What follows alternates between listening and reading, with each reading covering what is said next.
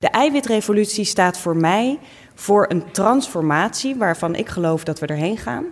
Ehm, en waarvan ook steeds meer wetenschappers zeggen dat we het zouden moeten gaan doen in het Westen, willen we die klimaatveranderingen nog tegengaan. Puur omdat de agrarische industrie op dit moment de grootste bijdrager is aan de uitstoot. En dan gaat het voornamelijk over methaangassen. Dit is een speciale aflevering van het Groene Hart van. Een live podcastopname vanaf het Happiness Festival, waar ik Rowanne van Voorst, auteur en antropologe van de toekomst, interviewde over haar nieuwe boek. Ooit aten we dieren. Welkom allemaal, mijn naam is Romy en ik mag jullie namens het hele Happiness eh, team welkom heten hier bij de Conscious Stage. Wat goed dat jullie geïnteresseerd zijn in deze interactieve podcast van Jelle Derks met uh, als onderwerp bewuster leven en minimalisme.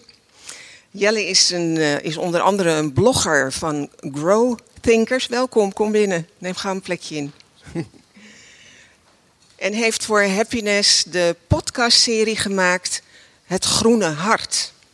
En ja, Jelle wil namelijk heel graag, heb ik begrepen, anderen inspireren om bewuster te gaan denken, leven en te gaan werken. En hij pleit ervoor om keuzes te maken die goed zijn voor de wereld, maar vooral ook goed voor jou. En vandaag heeft Jelle daarvoor een eh, gast uh, meegenomen en dat is Rowanne van Voorst. En zij is antropoloog, antropologe, ja, daar, daar struikel je altijd een beetje over. En schrijfster. In elk geval hopen wij van het Happiness Team dat Jelle en Rowanne jullie zullen inspireren om vanaf vanmiddag misschien wel met een groener hart te gaan leven. Mag ik een hartelijk applaus voor Jelle Derks en Rowanne natuurlijk.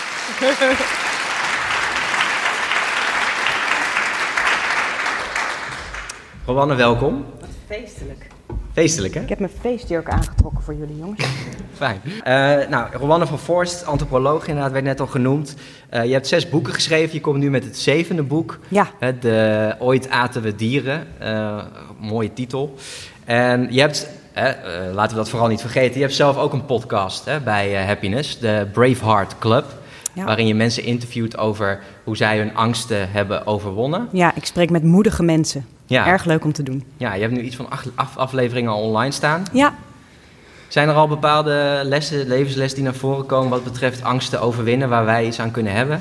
Ja, nou ja, ik, ik leer met de aflevering. Dus iedereen geeft zo zijn eigen trucs. En het ligt natuurlijk heel erg aan ehm, het genre mensen wat ik spreek. Dus ik spreek bijvoorbeeld met activisten die echt iets heel bijzonders hebben gedaan, maar ook wel met kunstenaars die op een hele andere manier denken.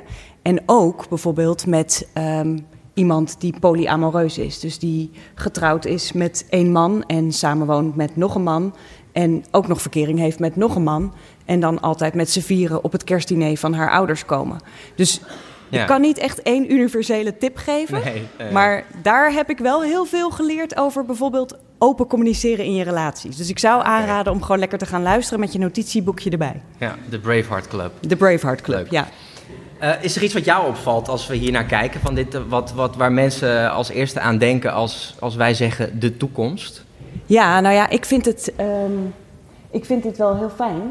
Kijk, kinderen staat inderdaad heel centraal. En dat is denk ik wel een belangrijke. Mm -hmm. Omdat het klinkt altijd een soort... Um, alsof ik hier op de preekstoel kom staan. Zo van, we moeten allemaal een, goed hart, een groen hart hebben. We moeten allemaal duurzamer leven.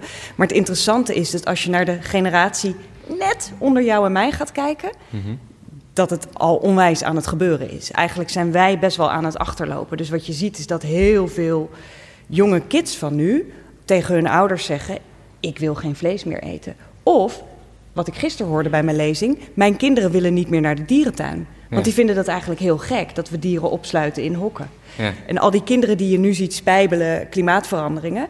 Um, daar maken wij natuurlijk wel schapjes over. Zo van ja, maar ze willen wel de nieuwste sneakers. Wat waar is. Zeg niet dat ze alles gelijk goed doen, maar het punt wat zij hebben en dat gevoel wat ze daarbij hebben, dat is wel heel erg symbolisch, denk ik, voor waar we nu aan het, aan het staan zijn met ja. z'n allen. Ja. Dus mijn boek is geschreven vanuit de toekomst. Dus het is niet een boek waarin ik er alleen maar ga uitleggen hoe verschrikkelijk het is wat we nu allemaal verkeerd doen. Ik ben daar eigenlijk aan voorbij gegaan. En ik ben gewoon meegegaan met de voorspelling van steeds meer wetenschappers dat we echt binnen één generatie heel andere dingen normaal gaan vinden dan nu. Ja. En plantaardig leven en eten is daar één ding van. Ja. Ja, en dat zijn die kinderen. Mooi, thanks. Eh, ik heb ook gevraagd aan mensen, van wat hoop je nou Ja. voor een duurzamere toekomst? En dan staat slow fashion eh, eigenlijk in het midden, bewustwording en minder plastic. Nou zie ik hier al een eh, plastic flesje staan. Dus eh, wij zijn ook niet perfect. Maar dit, is inderdaad, dit zijn inderdaad echt ja, mooie, goede challenges voor de toekomst. Ehm, is er hier iets wat je opvalt misschien al? Van wat hopen mensen voor een, die duurzamere toekomst? Ja, nou, weet je wat ik sowieso heel belangrijk vind om wel te bespreken? Ik denk dat als je hier de vraag anders zou framen en je zou zeggen wie maakt zich zorgen om de toekomst, dat bijna iedereen wel zorgen heeft daarover. En ik denk dat dat terecht is, dus ik wil dat niet bagatelliseren. Tegelijkertijd denk ik ook, ehm, ik heb dan nu als een soort geuzennaam antropoloog van de toekomst. Voor jullie achtergrond, ik heb eh, de afgelopen twaalf jaar onderzoek gedaan naar de sociale effecten van klimaatverandering, overal ter wereld. En ik doe momenteel nog steeds onderzoek daarnaar, maar dan voornamelijk in conflictgebieden. Dus ik ben hier ongelooflijk veel mee bezig. En tegelijkertijd, toen ik deze antropologie van de toekomst ging schrijven, dus toen ik ging kijken naar wat is er al aan het gebeuren en wat kunnen we nou echt realistisch gezien verwachten de komende 10, 20, 30 jaar, ben ik uitgekomen op een wat hoopvoller verhaal dan je misschien verwacht. Ja. Dus eigenlijk heel kort, en dat gaan we nu niet allemaal bespreken, en het staat zelfs niet allemaal in het boek, maar het is Nee. wel waar ik eh, mee het land in ga. The future is vegan, the future is female, the future is native en the future is humane. En met dat laatste bedoel ik, ja, er komen veel meer robots. En we gaan ons ook juist menselijker gedragen, omdat dat straks nog het enige is wat ons doet verschillen van robots. Dus die robots die gaan al ons werk overnemen, behalve dit. Ja, Behalve interactie hebben met mensen. ja. En dat zijn vier punten waarover het eigenlijk vooral heel erg leuk is om, om te sparren. En waarvan ik ook merk dat mensen soms heel blij een beetje de zaal verlaten. Omdat ze, weet je, tegenwoordig, je hebt zoveel verhalen over fake news. Over klimaatverandering bijvoorbeeld. Is er een zekere meneer ergens op de wereld die dat wel eens fake news noemt. Ik zou zeggen, wat veel meer fake news is, is het idee dat er eigenlijk niks meer aan te doen is dat eh, alles wat je voorstelt, alles wat ik wel eens voorstel in, in uh, comitéen over milieuverandering, het gevaarlijkste argument en ook het meest gebruikte is: ah nee, maar dat kan niet. Dat kan niet, want het is altijd al zo geweest. Um, dat is heel gevaarlijk, dat is heel disruptive. Dan zou de hele economie op de schop moeten. En als je gaat kijken naar voorgaande sociale bewegingen, ik noem afschaffing van de slavernij of vrouwen die rechten kregen, waren dat altijd de argumenten die werden aangevoerd. Het kan niet. Dit kan niet, het is onmogelijk. Je kan niet de hele economie op zijn schop zetten. En het heeft altijd wel gekund. Hm. En dat is denk ik iets wat we wel eens uit het oog verliezen. Dus dat vind ik heel tof om dat aan mensen te laten zien. Er kan veel meer. Ik bedoel, in 1991 is het in Nederland verboden geworden om binnen een huwelijk je vrouw tot seks te dwingen. Als ja. ik dat nu tegen mensen zeg, zeggen mensen wat? 1991? Dat kunnen we ons helemaal niet meer voorstellen. Maar zo snel gaan dingen. Twintig jaar geleden gebruikte niemand nog een mobiele telefoon. Je kunt het je nu bijna niet meer voorstellen. Ja. Dus ik wil mensen uitnodigen om eens te gaan kijken naar hoe het wel kan. Want dat idee, ja. um, het is alleen maar hopeloos en ik maak me zo'n zorgen. Die zorgen zijn terecht, maar het is alleen maar hopeloos. Dat is echt nonsens. Iets kan heel snel veranderen. Iets kan razendsnel veranderen. Jan, en dat is het al aan het doen. Ja, Jan Mommers gaf gisteren een voorbeeld in zijn lezing ook van uh, New York. Waar eerst uh, 19, 1903 mensen nog met paard en wagen. Ja. En toen kwam de auto en ineens stond de hele, ja, die, hele, die hele grote straat vol met auto's. Dus ja, in die zin kan het voor onze toekomst ook heel snel gaan. Uh, ik wil even een stukje voorlezen uit je boek. Want je hebt een aantal uh, intermezzo's waarin je eigenlijk uh, in de toekomst kijkt. Ja, die zijn fictief. Die zijn fictief, inderdaad. De rest van en, het boek is veel meer ja. echt waar. En dit is echt een beetje mijn brein. Wat, wat ik heel interessant vond in het boek. Uh, hier komt een schoolreisje naar het slachthuis. Is iedereen er klaar voor? En weten jullie zeker dat jullie mee naar binnen willen? roept de excursieleidster. Ze moet haar best doen om boven het opgewonden geklets van de groep heen te komen. Goed, dan zien jullie hier de hokken waarin varkens werden opgesloten tot ze werden doodgemaakt. De excursieleister duwt met beide handen tegen een metalen deur die langzaam opengaat. Daarachter is een enorme rechthoekige ruimte te zien met een puntdak.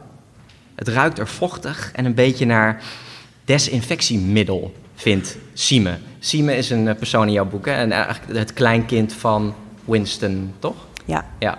Het gaat ook uh, over een gezin. Nou, Sime is eigenlijk de jongste van het gezin. Dit deel van het Slachterijmuseum wordt alleen verlicht door smalle stroken licht die door hoog geplaatste kleine ramen vallen. In het midden van de ruimte is een gangpad van ongeveer 2 meter breed. Aan weerszijden van het gangpad grenzen honderden hokken die bestaan uit constructies van metalen buizen en betonnen tussenwandjes. Sime en zijn klasgenoten beginnen langzaam over het gangpad te zweven, want ze hebben van die zweefboards. Hè? Ja, wat we ook in Back to the Future uh, zien, hè? die hoverboards. Maar ze zweven met hun uh, ja. over te... Ja. Lijkt mij nou echt heel leuk. Ja. Sommigen spreken zachtjes met elkaar. Een enkeling heeft een zuurstofmasker opgezet. Sime opent een deurtje naar een hok, zweeft naar binnen en draait met zijn boord een rondje boven het ijzeren rooster. Hier hebben ze dus gestaan. Gewacht op wat er komen ging. Tot ze ergens tussen de vier en de zeven maanden oud waren. Of wanneer het ook was dat ze volgens de diereneters voldoende vleesgewicht hadden bereikt. De excursieleidster klapt in haar handen. Komen jullie weer even om mij heen staan, roept ze op opgewekte toon. Dan zal ik jullie wat over deze plek vertellen. Ze is een lange vrouw van een jaar of veertig, met lang blond haar dat tot haar onderrug reikt. Sime vraagt zich af hoe ze heet. Ze heeft zich niet aan hem voorgesteld. Hij moet zijn best doen om niet naar haar te blijven staren. Links aan de muur zien jullie een brander hangen. Daar werden de staarten van biggetjes onverdoofd mee afgeknipt. Dat uh, is een wat nieuwer wetsmodel uit 2017. Uh, je mag er wel even naartoe zweven om het beter te bekijken. Maar je, maar je mag het niet aanraken, want het is een van de weinige coupeerapparaten die bewaard zijn gebleven. De meeste zijn na de eiwitrevolutie vernietigd door activisten of door voormalige varkensboeren die niet meer herinnerd willen worden aan hun beroep. De eiwitrevolutie. Hier moet je wat over vertellen. Want dit is uh, een woord dat vaker uh, ja, voorkomt in je boek. Wat is de eiwitrevolutie? Nou ja, je hebt er een stuk uitge uitgekozen wat natuurlijk een beetje um, atypisch is voor het boek. Omdat er staan twee, ja, die twee fictieve stukken, maar wel heel leuk. Want het, het um, was voor mij een leuke oefening, zeg maar, om naar voren te gaan kijken. Ja. De eiwitrevolutie staat voor mij voor een transformatie waarvan ik geloof dat we erheen gaan. Um, en waarvan ook steeds meer wetenschappers zeggen dat we het zouden moeten gaan doen in het Westen, willen we die klimaatveranderingen nog tegengaan. Puur omdat de agrarische industrie op dit moment de grootste bijdrager is aan de uitstoot. En dan gaat het voornamelijk over methaangassen. Dus ik predik niet dat we in de hele wereld moeten gaan stoppen met vlees eten of dat het nooit meer mag. Sterker nog, in Groenland, waar ik lang heb gewoond, uh, leven mensen van de zeehonden. En dat lijkt me ook prima. Dat moeten ze daar vooral blijven doen, want ze hebben daar niet gezellige vegaburgertjes liggen in de supermarkt. Maar hier is het inmiddels een keuze geworden. Mm -hmm. En uit steeds meer onderzoek blijkt, en zijn wetenschappers ook aan het smeken, van als we dat nou eens hier de norm maken, dat we gewoon kiezen voor plantaardig, dan gaat die uitstoot radicaal naar beneden. Dus we hebben die eiwitrevolutie nodig om nog steeds wel klimaatveranderingen door te laten gaan, want dat is niet meer tegen te houden. Mm. Maar die klimaatcatastrofe, dus dat echte hele grote probleem, die kunnen we wel degelijk stoppen. En daar hebben we nog twaalf jaar de tijd voor. Mm -hmm. En ik ben bijvoorbeeld voor mijn boek, en dat is hoofdstuk 1, um, gaan spreken met boeren op de hele wereld die zich hier al op aan het voorbereiden zijn. Dus dat zijn de varkensboeren en dat zijn de veehouders. En die zijn op dit moment hun vee aan het verkopen omdat zij zeggen: ik ga wel notenkaas maken in plaats van geitenkaas. Omdat ze zien, naar twee redenen. Omdat ze zien dat het meer geld gaat opleveren, omdat ze zien dat op dit moment de grootste vleesindustrieën aan het investeren zijn in plantaardige vlees. Altijd, hè, plantaardige uh, vleesburgers voor, uh, bijvoorbeeld. -hmm puur niet uit idealisme hoor. Gewoon omdat ze zien van de toekomst willen steeds meer mensen dat gebruiken. Dus daar ga ik nu gauw op overschakelen. Sorry, notenkaas, vind jij dat zelf lekker? Nou, om je heel eerlijk te zijn, ik vind in Amerika, ik woon de helft van het jaar in Amerika. Ehm, daar vind ik, zijn een aantal zachte kazen die ik heel lekker vind. Dus meer cream cheese-achtige. Mhm. Ik vind de harde kazen over het algemeen niet te nassen. Niet te doen. Echt niet. Maar het is wel aan het komen en het gaat vrij snel. Dus ik heb als antropoloog van de toekomst de heerlijke taak om overal te mogen eh, proeven. En ik vond heel lang hetzelfde met de vegetarische burgers trouwens. Hoor. Dat vond ik een soort slappe hap. Weet je wel, een beetje zo'n kikker-erwtenburger. Ben je een beetje... huh. Maar inmiddels, halleluja, hebben we de Beyond Burger sinds deze week in de Mm. Albert Heijn te krijgen. En die, dames en heren, is echt serieus niet te onderscheiden van een echte burger. Beyond Meat, hè? Van, Beyond eh, Meat. Is ook naar de beurs gegaan, ging echt als een gek omhoog. Ja, dus Eh, dat is fijn, want ja. dat gaat het makkelijker maken. Ja. Maar die eiwitrevolutie, ik heb gesproken met boeren over de hele wereld, die dus met voortziende blik hebben gezegd: ik ga nu mijn vee verkopen en ik ga tuinier, tuinier worden, tuinierder worden, moet ik zeggen. Ehm, dus dat is één reden voor ze, gewoon slim, economisch vooruitgedacht. En een tweede is dat veel van die boeren, die zijn natuurlijk boer geworden omdat ze ongelooflijk veel van dieren houden. Omdat ze daarmee op zijn gegroeid. Ja. En je Maar- boek, in je boek beschrijf je ook de, eh, hè, dat boeren op een gegeven moment ook steeds meer spijt krijgen van wat ze nou eigenlijk aan het doen zijn. Ja, Eh, je moet het- opschalen namelijk. In deze maatschappij, waar we met 7,5 miljoen, miljard mensen proberen al onze eiwitten uit dierlijke producten te krijgen, is het bijna niet te overleven voor een kleine boer. Dus je moet meer koeien hebben. En je moet ze vroeger naar de slacht laten. En je moet ze eerder penicilline geven als ze ziek worden. En je moet ze meer melk laten geven. En dat doen die mensen niet expres.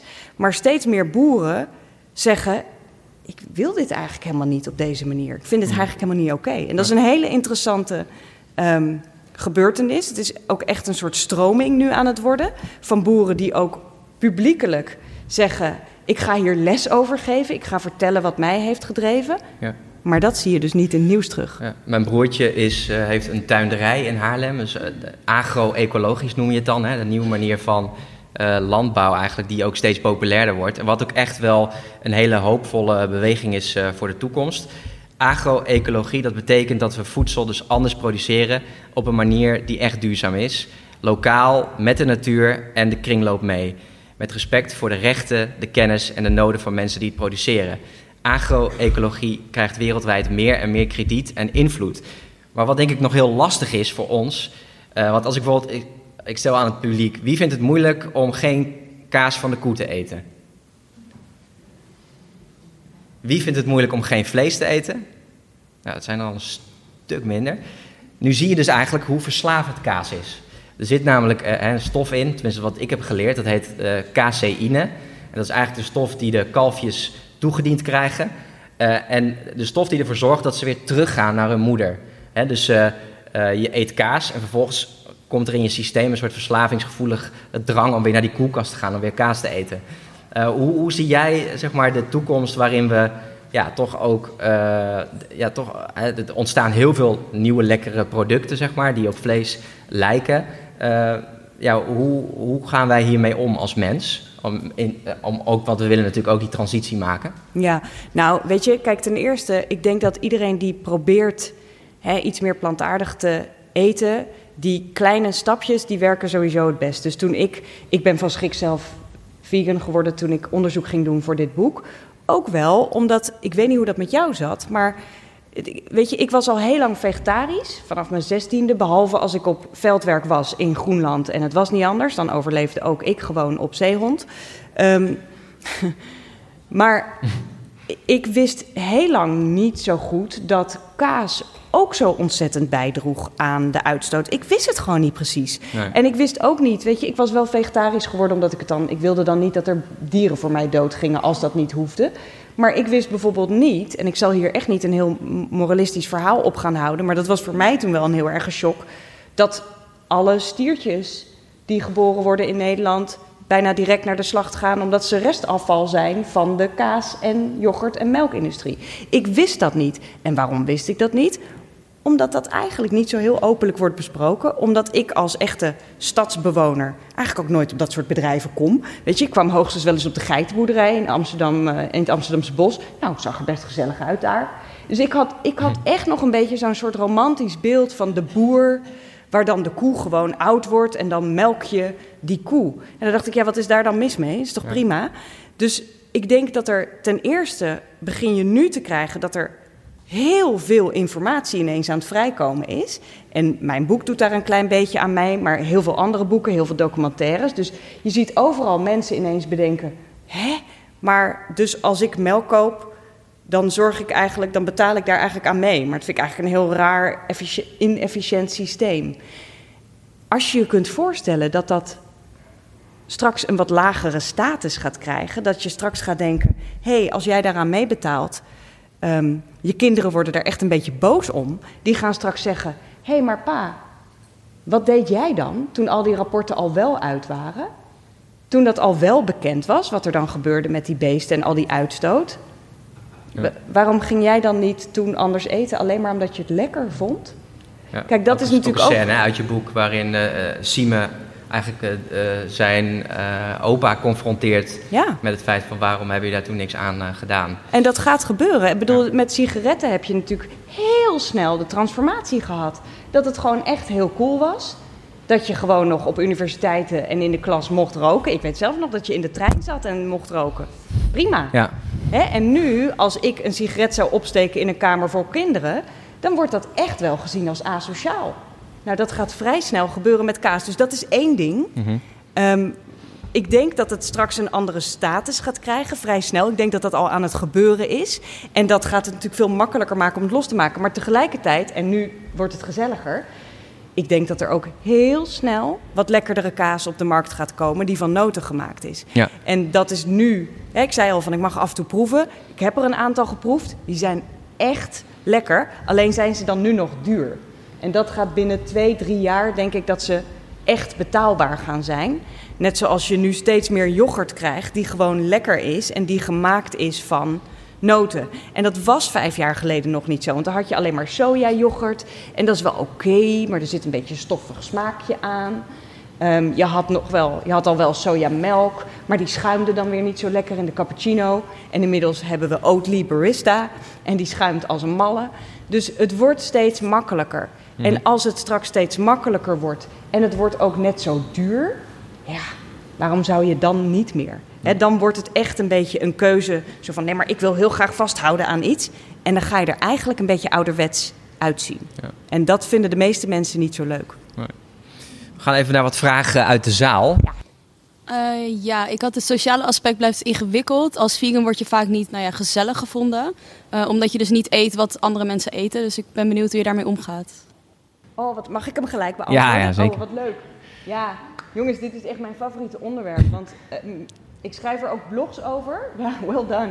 Ik schrijf er ook blogs over, onder andere voor Het Kan Wel. Dus daar kan je al een klein beetje ehm, wat zien, wat ik daarover deel. Maar in mijn boek zitten ook een heel aantal vrij pijnlijke scènes. Waarin ik mijn man, props voor mijn man, want die ehm, komt veelvuldig in het boek voor als hij zich lichtelijk verzet tegen mijn nieuwe veganistische pannenkoeken. Die echt niet te doen zo smerig waren in het begin. En ik bleef ze stug maken elke zondagochtend en bleef dan ook stug tegen hem zeggen: Ga best, fijn dat dat nou, dat is een beetje. Maar je hebt gelijk. Voor de sociale omgeving is het vaak best lastig als jij ineens gaat transformeren. En ik vind het nog steeds ook moeilijk, moet ik je eerlijk zeggen. Niet meer met mijn man. Inmiddels hebben we het pannenkoekenrecept geneeld. Inmiddels hebben wij, hè, hebben wij niet meer op het boodschappenlijstje staan Ehm, amandelmelk, maar heet het gewoon melk, omdat we eraan gewend zijn. Maar bijvoorbeeld met mijn oma van 94, die altijd als ik kom mij een slagroomgebakje aanbiedt. En dan vind ik het een ding om tegen mijn oma te zeggen: Nee, oma, wil ik liever niet, want CO2, methaan en zo ingewikkeld, zielig. Ehm, omdat ik ook denk: ja, wordt zij dan nog vegan op haar 94ste? En wat dan als ze het gebakje weggooit? En ik denk dat dit iets is waar we veel opener over moeten praten. Want het lijkt tot nu toe, en dat was ook wel een van de redenen voor mij om dit boek te willen schrijven, alsof je twee kanten hebt. Of je doet het fout en je bent gewoon de vleeseter en je doet gewoon nog slagroom op je warme chocolademelk. Of je bent een hardcore vegan die alles goed doet en je hebt van dit soort dingen nooit last. En ik zit er veel meer middenin. Dus ik kan je wel een paar concrete tips geven over hoe ik ermee om ben gegaan. En één hele belangrijke, denk ik, is bijvoorbeeld dat je. Uh, wat mij helpt als ik bij vrienden ga eten waarvan ik weet, oh ja, die hebben echt zo'n signature dish en die is gemaakt van vlees en vlees en kaas. Dan neem ik tegenwoordig wel mijn eigen verantwoordelijkheid dat ik zeg, hé hey jongens, zal ik koken? En dan probeer ik gewoon een plantaardig gerecht op tafel te zetten zonder het te benoemen. Hè? Ik ga dus ook niet zeggen, kijk, dit is vegan. Want dan gaat iedereen ook een soort kijken naar, smaakt het wel hetzelfde en net zo lekker. Ik zet gewoon iets heel kleurrijks en lekkers op tafel, waar niemand het vlees mist. En waarvan ze achteraf een beetje verbaasd zijn. Zo van, oh ja, hier zat trouwens helemaal geen dierlijke producten in. Dus dat is één. Voor een deel kun je eigen verantwoordelijkheid nemen. Um, soms kijk ik heel erg naar de pragmatische aanpak. Dus uiteindelijk, stel dat jij iets meer plantaardig wilt gaan leven, dan kijk ik naar wat is nou eigenlijk het doel. Wil je uiteindelijk bijvoorbeeld dat er minder dieren gedood worden, dan zou ik heel erg daarnaar kijken. En stel dat jij bij een vriendin gaat eten. We hebben nog meer vragen, Rowanne, dus sorry, houd kort. Ik, hou hem kort. um, stel dat jij bij een. Ik zei al, mijn favoriete onderwerp. Ja. Stel dat je bij een vriendin gaat eten en die heeft onwijs ter best gedaan om een vegetarische lasagne voor jou te kopen. En jij kijkt op de verpakking en je denkt: oh, er zat eigenlijk nog ei in die lasagnebladeren. Dan zou ik dus persoonlijk niet op dat moment heel ingewikkeld doen en zeggen: ik eet het niet dan zou ik gewoon haar praisen van wauw, wat tof dat je vegetarische lasagne hebt gemaakt. Heerlijk, lekker opeten. En misschien kun je haar achteraf gewoon vriendelijk vertellen... weet je wat grappig is, ik wist het ook niet... maar zelfs hier zit dus ei in. Je kunt ook zonder ei kopen. Wedden dat ze dan met veel meer plezier dat gaat doen... dan als ze veganisme gaat associëren met... oeh, dat is heel ingewikkeld. Die willen nooit wat en die hebben altijd nog wel weer één zeurdingetje. He, dus ik zou daarin, wil ik prediken voor de pragmatische aanpak. Stil. Volgende vraag, sorry. Heb, uh, heb je er genoeg aan of heb je nog een wedervraag? Nee, zeker. Oké, top. Ik zie een uh, glimlach. Uh, ik zag hem net binnenkomen over netvlees. Van wie was die? ja, wat ik me afvraag is um, de opkomst van nepvlees. Of, um, of, dat we dat, ja, of hoe jij er tegenaan kijkt. Of dat je dat kan zien als een soort van tussenfase Ehm, of dat dat de toekomst is. Kweekvlees, ja. Laboratoriumvlees, hè, bedoel je? Ja, nou, ook, ook gewoon de vleessubstituten, waar natuurlijk ook heel veel aan toegevoegd is. Je ziet ook dat er een, een opkomst is van mensen die steeds natuurlijker willen eten.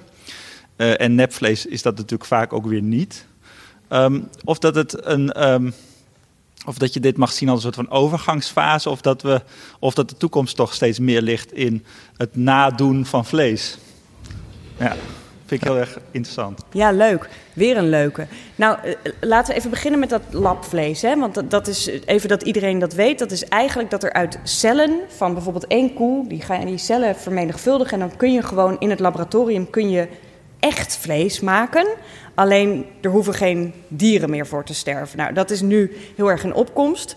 Um, er bestaan ook al burgers van en zo, ze zijn alleen nog onbetaalbaar ik denk dat daar een deel van, zeker die transformatiefase, is dit wel een hele belangrijke. Want er zijn nu nog mensen die vinden het echt heel lastig. He, mijn vader is een super goede Franse kok. En die zit echt niet altijd te springen om een linzengerecht op dit moment. Maar zoiets, daar zou die wel voor openstaan. Dus wat je nu aan het zien bent, die, die ongemakkelijke sociale transformatie waar we in zitten. Want iedereen die, als je die zorgen voelt, dat is dus typisch voor een kantelpunt. Dus dit soort zorgen van, oh god, ik weet niet of het wel goed gaat komen, hebben we ook gezien bij andere grote transformaties. Dus dit is logisch dat je dit voelt. Dit gevoel van hopeloosheid, dit gevoel van gaat dit wel de goede kant op. Dit is vaak wat er nodig is.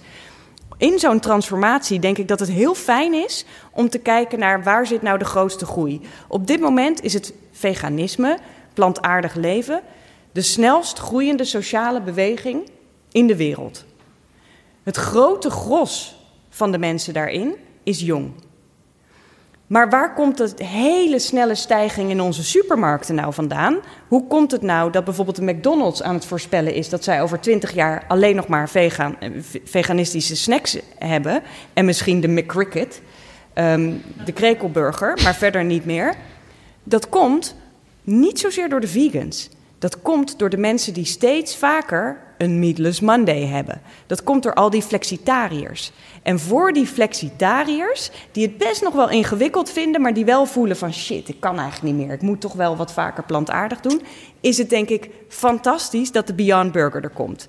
dus voor hun is het een hele fijne, makkelijker makende overgangfase. Heel veel hardcore veganisten hebben dat helemaal niet nodig. Die zeggen: Ik heb inmiddels leren koken vanuit een heel ander oogpunt. Dus ik ga uit van planten en granen en noten en ik doe het zo natuurlijk mogelijk. Nou, nog eventjes een ding over de zorgen van, oh, maar die, die ehm, plantaardige burgers bijvoorbeeld, die alternatieve burgers.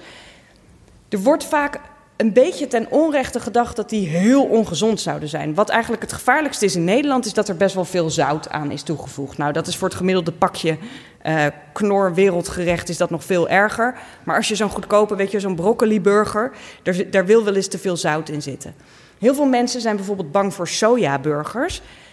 Maar dan denken ze dat dat soja is waarvoor het hele regenwoud wordt gekapt in de Amazone. Want daar heeft iedereen er wel eens van gehoord. Dat regenwoud wordt inderdaad gekapt. Dat is voor het veevoer van onze koeien. Wij eten en drinken hier in Europa niet uit dat regenwoud. Wij eten soja die keurig in Europa voor ons wordt gemaakt. Dus daar hoef je helemaal niet bang voor te zijn. Dus ik denk dat je alle twee de dingen krijgt als dat een, een um, antwoord op je vraag is. Ik denk dat we die alternatieven echt nodig gaan hebben. Ook omdat daar B12 en ijzer aan is toegevoegd. Dus net zoals je vroeger jodium in het brood kreeg, kan ik me voorstellen dat we straks B12 in het brood gaan krijgen. Gewoon omdat iedereen hier plantaardig gaat leven. Maar voor nu zitten ze nog in de burgers. Super makkelijk, hoef je nergens meer over na te denken. Maar als je je op een gegeven moment comfortabeler gaat voelen met plantaardig koken. En in mijn boek geef ik ook tips voor echt kookboeken die dat super simpel voor je uiteenzetten. Dan heb je dat op een gegeven moment niet meer nodig. Beantwoord? Helemaal blij. in je boek zit ook, uh, uh, wordt ook gepraat over, of schrijf je ook over pillen. Hè? Dus dat we gewoon een pil nemen en dat vervangt dan een hele maaltijd eigenlijk. Ja, ik heb er een tijdje op geleefd, jongens, op van die shakes, omdat ik het toch een beetje uit wilde proberen. Dus dat zijn geen dieetshakes, hè? dus niet van de Weight Watchers die je ook wel had, maar gewoon een shake waar je uh, in één keer 30% van je vetten, mineralen, koolhydraten, alle vitamine die je nodig hebt, mee naar binnen krijgt. Ik gebruik ze nu heel af en toe als tester, antropoloog van de toekomst, als ik aan het vliegen ben. Wat ook al niet zo goed voor, de, voor het klimaat schijnt te zijn. Maar um, ook daarover denk ik dat we eerlijk moeten zijn. Dat je het gewoon niet allemaal perfect kan doen. Um, ik gebruik ze af en toe. Ik denk dat we ze in de toekomst vaker gaan gebruiken.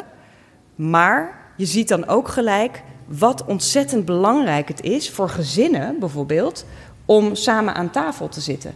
Want dat trage eten wat wij doen, want eigenlijk is dat heel traag in vergelijking met gewoon een, shake naar achteren tikken, biedt je ook de mogelijkheid om met elkaar een gesprek te voeren.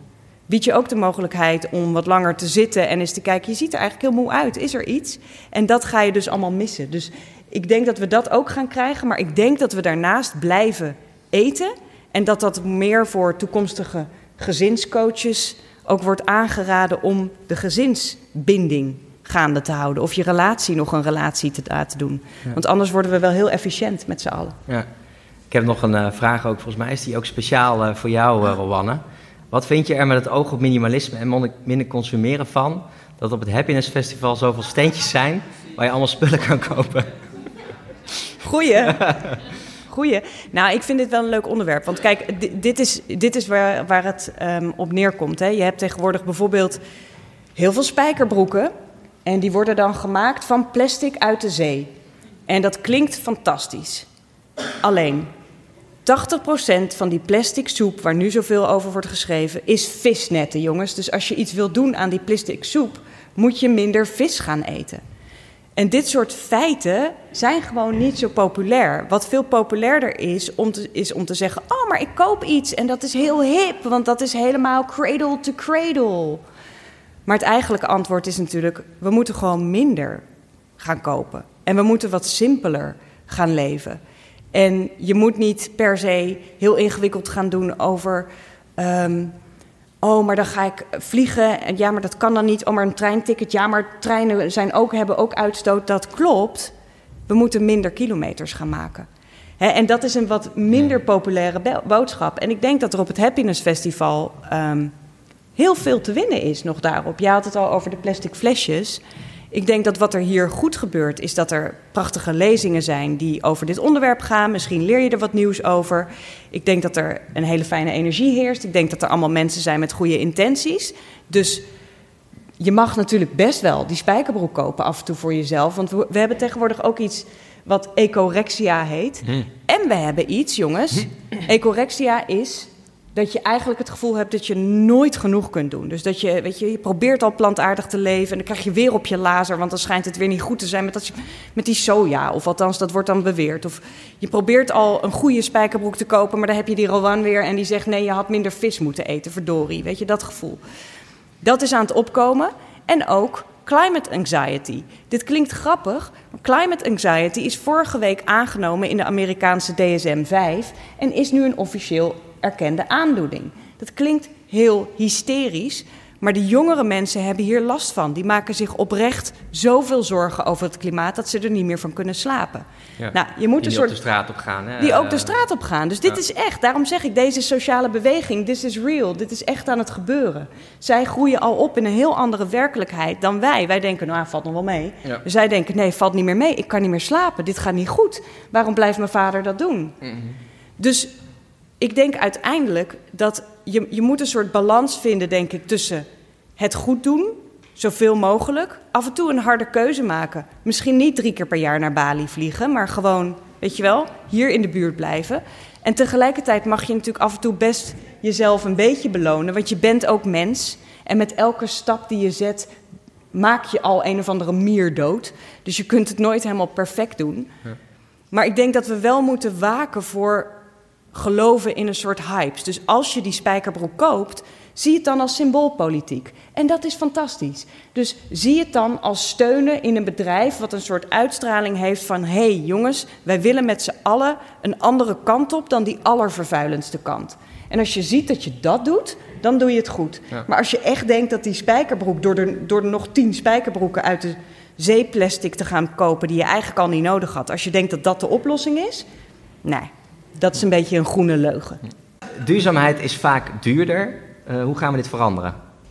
Hoe Ja. kunnen we dit veranderen? Nou, ten eerste is het aan het veranderen, omdat als er steeds meer vraag naar komt, wordt het steeds groter geproduceerd. Dus dat is nu al vrij snel aan het veranderen. Echt, de prijzen van nu zijn al veel lager dan twee jaar geleden.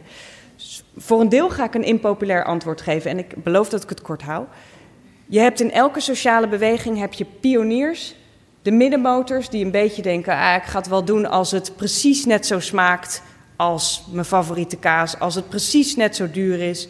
En dan heb je de neezeers, die komen, die willen nooit verandering, die vinden het allemaal maar ingewikkeld. Als je het je kunt permitteren, op welke manier dan ook, om een pionier te zijn, dan zou ik af en toe zeggen: leg die ene euro erbij. Want als je echt gaat kijken naar wat is nou duurder, dan zie je eigenlijk dat het niet per se duurder is. Hè, dus nu bijvoorbeeld de duurzame energietransformatie. Daarvan lijkt het alsof het dan duurder is. Terwijl als je gaat kijken naar wat wetenschappers hebben voorspeld over de kosten die we over tien jaar gaan dragen. Bijvoorbeeld omdat er allerlei problemen komen rondom fossiele bra- brandstoffen. En reken maar dat dat dan wordt doorgerekend aan de burgers. Dan was het nu goedkoper geweest om met z'n allen in die groene te gaan investeren. Dus je hebt een vertekend beeld. Gezondheidskosten hetzelfde. Jongens, op dit moment hebben we geen eiwittekort hè, in Nederland. We hebben een eiwitoverschot. We eten gemiddeld 30% te veel eiwitten. We hebben obesitasproblemen.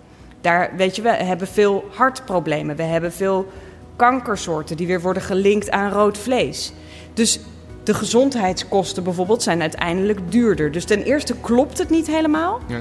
Ten tweede, ja, soms is verduurzaming een beetje moeite doen. Soms is het gewoon niet zo heel leuk. Dus soms kost het inderdaad 1 euro extra. En ik zou willen zeggen, als je het je kunt permitteren, zie het dan ook echt in een investering in jezelf. En in een duidelijk symbool, wat we nu echt nodig hebben, willen we de goede kant op gaan. Als je het je niet kunt permitteren, je kunt net zo goedkoop koken op een hele duurzame manier. Maar dan ga je wel voor die linzenschotel en niet voor die hele hippe Beyond Burger. Maar er zijn, als je even googelt op budget vegan bijvoorbeeld, is er van alles te krijgen voor gewoon net zo weinig of Klopt. net zoveel Ja. als de kiloknaller. Binnen de pulvruchten, groenten. Ja. Rowanne, enorm bedankt. Uh, groot applaus voor Rowanne. Dit was een speciale aflevering van het Groene Hart van. Live vanaf het Happiness Festival. Ben je benieuwd naar alle links van dingen die we hebben besproken in de podcast? Ga dan naar happiness.nl slash het groene hart. Happiness.nl met een z slash het groene hart.